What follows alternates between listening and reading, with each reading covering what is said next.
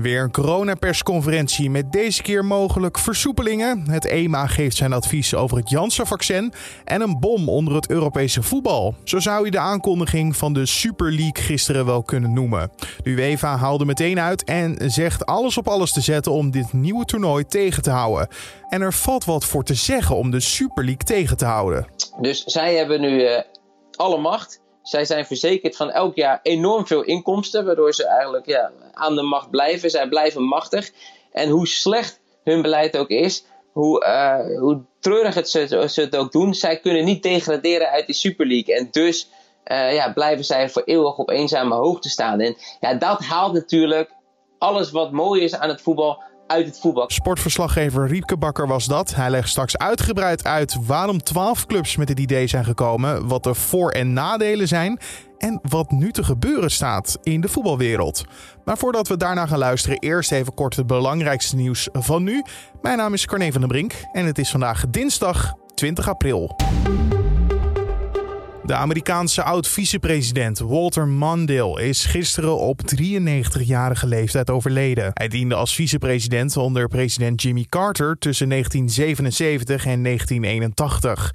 Hij en Carter waren de langstlevende vertrokken president en vicepresident in de geschiedenis van Amerika. Toen hij in 1984 zelf een gooi deed naar het presidentschap, zonder succes, zorgde hij wel voor een primeur. Zijn running mate was de eerste vrouw ooit die kandidaat was voor het vicepresidentschap. Mondale zou zondag nog hebben gebeld met president Joe Biden en oud-presidenten Carter en Clinton om afscheid te nemen. In het Gelderse Lunteren zijn gisteravond een persfotograaf en zijn vriendin aangevallen door omstanders. De twee zaten in een auto om beelden te maken van een brand. Toen een groep omstanders ze lastig begon te vallen. Uiteindelijk reed iemand in een shovel ze met auto en al in de sloot, zo meldt Omroep Gelderland. De fotograaf en zijn vriendin moesten door de brandweer bevrijd worden. Ze zijn naar het ziekenhuis gebracht en er zijn twee mensen aangehouden. Armin Laschet is verkozen als de opvolger van bondskanselier Angela Merkel. Bij de aankomende Duitse verkiezingen in september zal hij de partijleider zijn van de Duitse Christen-Democraten. De politicus kreeg afgelopen nacht tijdens een marathonoverleg de meeste partijleden achter zich. Het was nog spannend wie het zou worden, want de frontman van de zusterpartij CSU, Marcus Söder, had zich ook kandidaat gesteld. Echter, nu er is gestemd, hopen de partijen dat er een einde is gemaakt aan de interne machtsstrijd. 1 op de zeven winkels is in de laatste 10 jaar verdwenen. Nederland telde begin dit jaar ruim 85.000 fysieke winkels, wat een daling is van meer dan 13.000 winkels. Dat blijkt uit cijfers van het CBS. Vooral boekenwinkels en kledingwinkels hadden het zwaar. In 10 jaar tijd schoten de online winkels wel als paddenstoelen uit de grond. Er waren er begin dit jaar maar liefst vier keer zoveel webwinkels als een decennia geleden. En dan het gesprek van deze uitzending. Als het over voetbal gaat in de podcast, hebben we het vrijwel altijd over een belangrijke wedstrijd die gespeeld moet worden. Vandaag is het anders, want deze podcast gaat over het hoogste haalbare toernooi in Europa. En simpel en plat gezegd is de pleuris uitgebroken op dat niveau. Twaalf clubs willen namelijk hun eigen toernooi starten, de Super League. Dat terwijl de Europese Voetbalbond, de UEFA, juist op maandag met aanpassingen voor de welbekende Champions League kwam. Om tegemoet te komen aan deze clubs die meer zekerheid Nog voor de bekendmaking van die aanpassingen kwam het Super League bericht naar buiten. En de chaos was direct compleet. Je hoort sportverslaggever Riepke Bakker in gesprek met mijn collega Julien Dom. Nou, er is een uh, aardige bom ontploft in, het, uh, in de nacht van zondag. Op maandag was het doordat er een Super League is uh, uitgeroepen. Dat hing eigenlijk ja, de afgelopen jaren al een beetje sluimerend boven de markt. Maar er zijn nu echt twaalf rijke clubs die zich willen gaan afscheiden van de rest en uh, eigenlijk lak hebben aan alles en iedereen binnen het internationale voetbal. Het zijn uh, hele rijke clubs en ja, die willen eigenlijk op deze manier nog rijker worden en het eigen hachje voor zichzelf houden. En daar is iedereen uh, verbolgen over. En dat op de dag dat de UEFA, de Europese Voetbalbond, met een nieuwe invulling van de Champions League zou komen. Ja, dat klopt.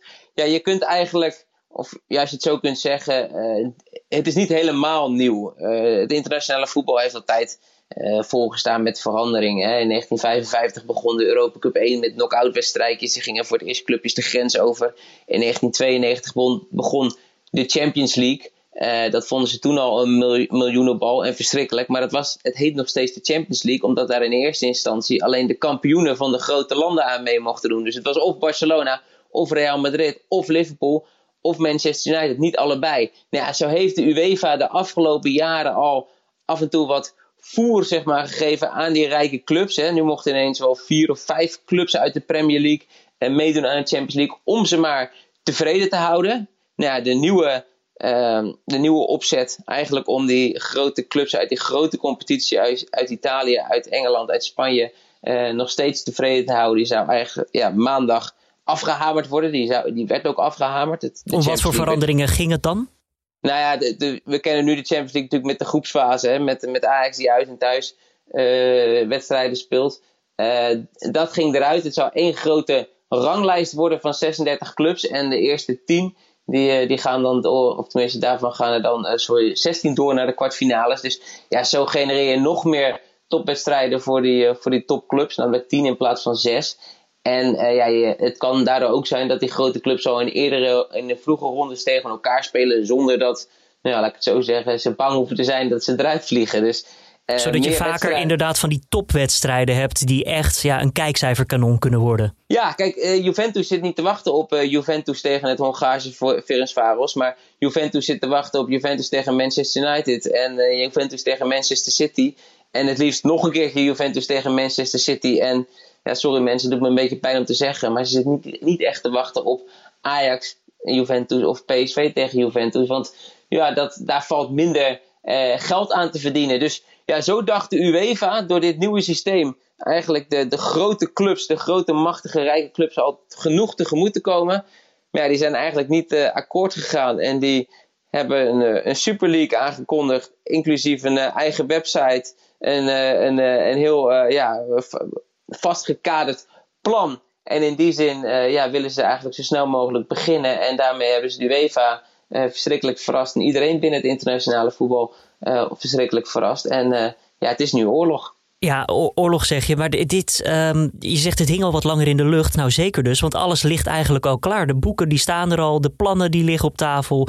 En in augustus of september zou het allemaal van start moeten gaan meteen, hè? Ja, het is ja, het is geen half werk. dat kun je zeggen. Het voelt een beetje dat je dan ook eh, alsof ze sowieso al niet van plan waren en geen vertrouwen er meer in hadden bij de UEFA. En dachten van weet je wat, we gaan hier gewoon mee starten. Ongeacht dat ze misschien nog aan het praten zijn. Laat ze maar lekker daar uh, in Zwitserland. Daar zit het hoofdkantoor van de UEFA. Ja, nou, er zit natuurlijk ook wel uh, wat druk achter. kijk, het zijn, het zijn zes grote clubs uit Engeland. Het zijn Atletico, Real en Barcelona uit, uit Spanje. En het is Juventus, AC Milan en Inter uit Italië. Ehm, en die clubs, ja, die zitten op dit moment wel een beetje in het probleem. Er is namelijk een coronacrisis geweest, het, het, zal u niet ontgaan zijn. Maar daardoor lege stadions, de, de economie ligt plat. Die clubs die, er lopen miljarden in het rood. En ja, die staan nu wel open. Die denken, dit is het moment. We moeten zo snel mogelijk geld gaan verdienen om zo snel mogelijk weer in de plus te komen. En de nieuwe Champions League, laten we wel wezen, die vinden ze niet genoeg opleveren. Bovendien, ja, ze, hebben nu de macht en ze willen heel graag die macht houden. Als zij financiële problemen hebben en uh, ze kunnen die financiële problemen niet snel genoeg oplossen, dan is de kans dat nou ja, Juventus financiële, door de financiële problemen dat afglijdt en in Italië en de boot mist. Hetzelfde geld kan gelden voor Barcelona in Spanje, wat een miljard euro in het rood staat. Dus dit was ook wel het moment, uh, als je kijkt, van oké, we moeten nu ook echt snel in actie komen. Want anders dan, uh, kan het zomaar zijn dat het even iets minder gaat met ons als grote clubs. En ja, dat willen ze niet. Nou, dat verhaal, weet je, het klinkt heel logisch als je dat zo vertelt. Maar toch zijn mensen over, nou, ik zou bijna willen zeggen, de hele wereld ondertussen boos over deze actie. Uh, het voelt een beetje als een messteek voor sommigen, zeker voor fans van sommige clubs. Ja, ja er zijn eigenlijk, kijk, iedereen staat achter, op zijn achterste poten. Uh, de, UEFA-baas Severin die noemt het, het, draait om hekzucht, om egoïsme en om narcisme, dat zeggen ze. Nou, de, de man die het nog het mooist verwoordde, vond ik zelf Phil Neville. Die zegt eigenlijk, ja, ze halen de ziel uit het voetbal. Uh, er zijn ook spelers zelfs, hè? Ander Herrera, een middenvelder van het nou ja, toch hele rijke Paris Saint-Germain, die heeft zich fel uitgesproken tegen dit als ik zelf voor mezelf mag kijken, uh, het zou natuurlijk het mooiste zijn in Nederland als Frenkie de Jong, die bij Barcelona speelt, die ook bij die plannen betrokken is, zich uit zal spreken tegen de Super League. Of weet ik het wat, Virgil van Dijk van Liverpool. Dat gaat echt helpen. Maar kijk, waarom zij nou zo boos zijn?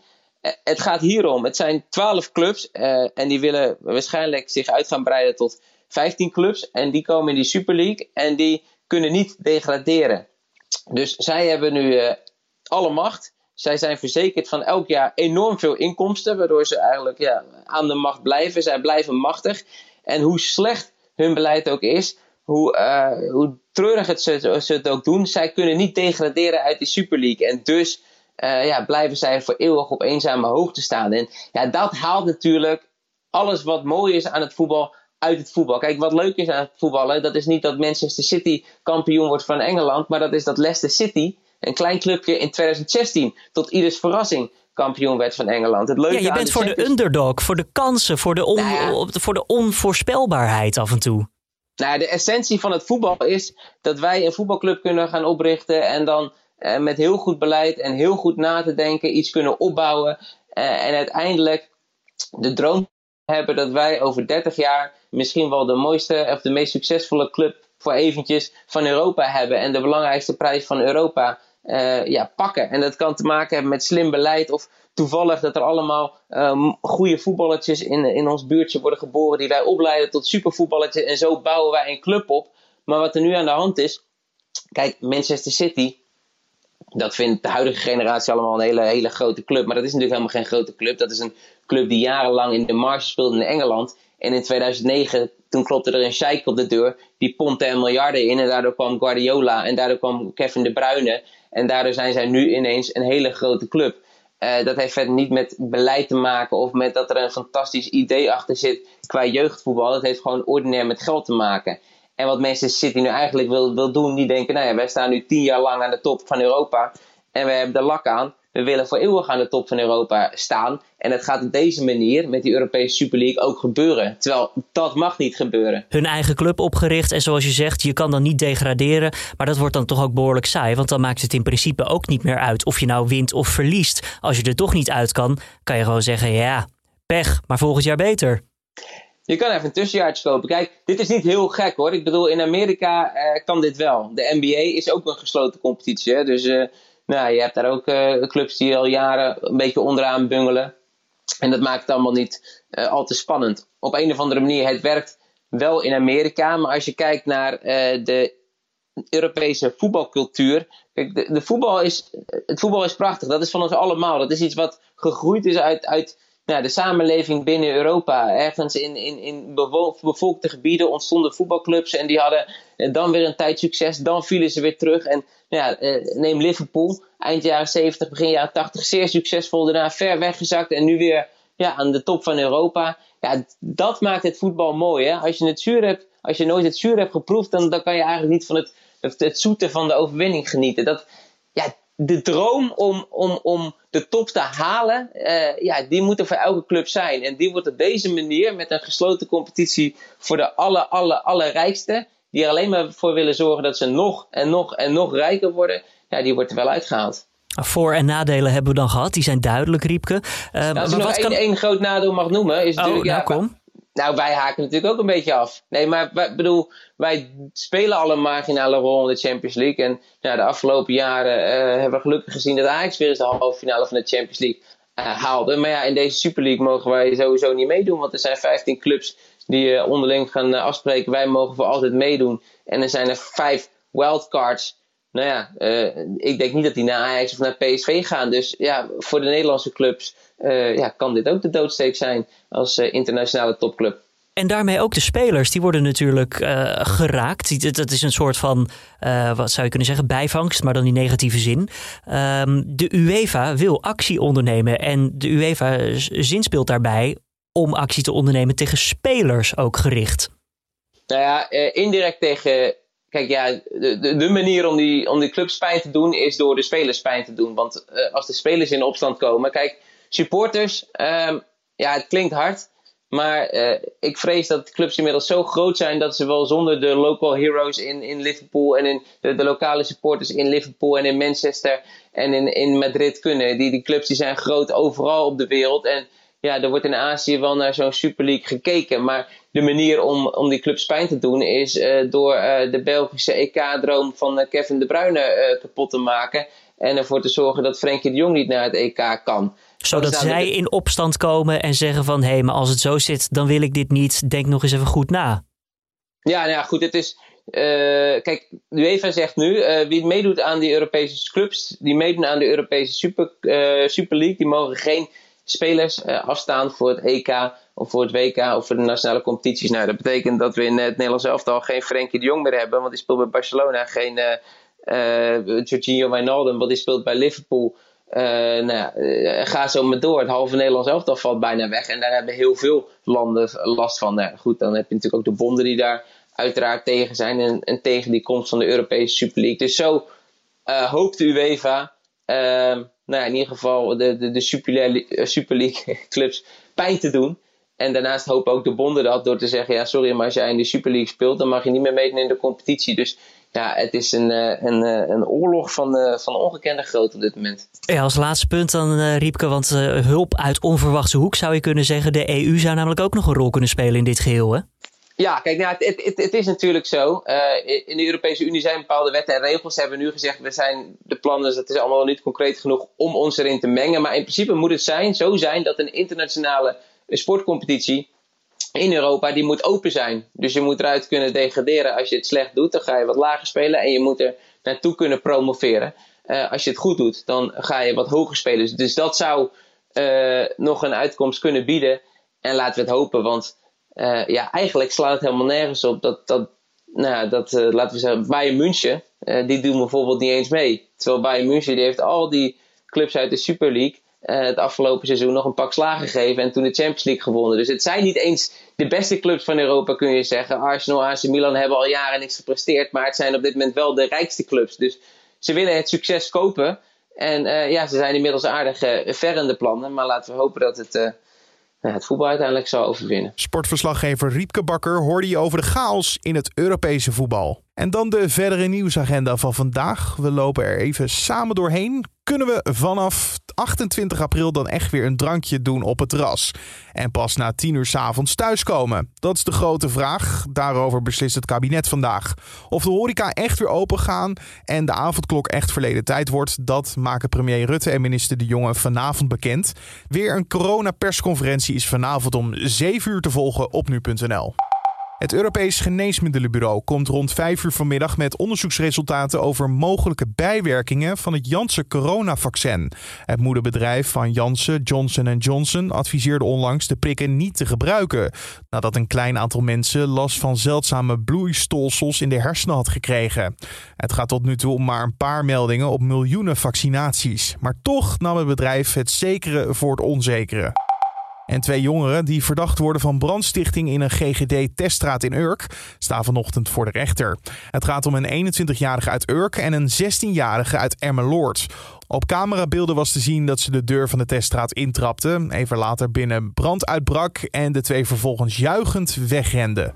En dan het weer van vandaag. Waar moeten we rekening mee houden? Je hoort het van Alfred Snoek van Weerplaza. Vandaag begint de dag nog met wat nevel of mistflarden. Die lossen vrij snel op en vervolgens wisselen zon en wolken elkaar af. Vanmiddag kunnen de stapelwolken in het binnenland overigens nog wel uitgroeien tot een enkele bui, maar op heel veel plaatsen lijkt de dinsdag gewoon droog te verlopen.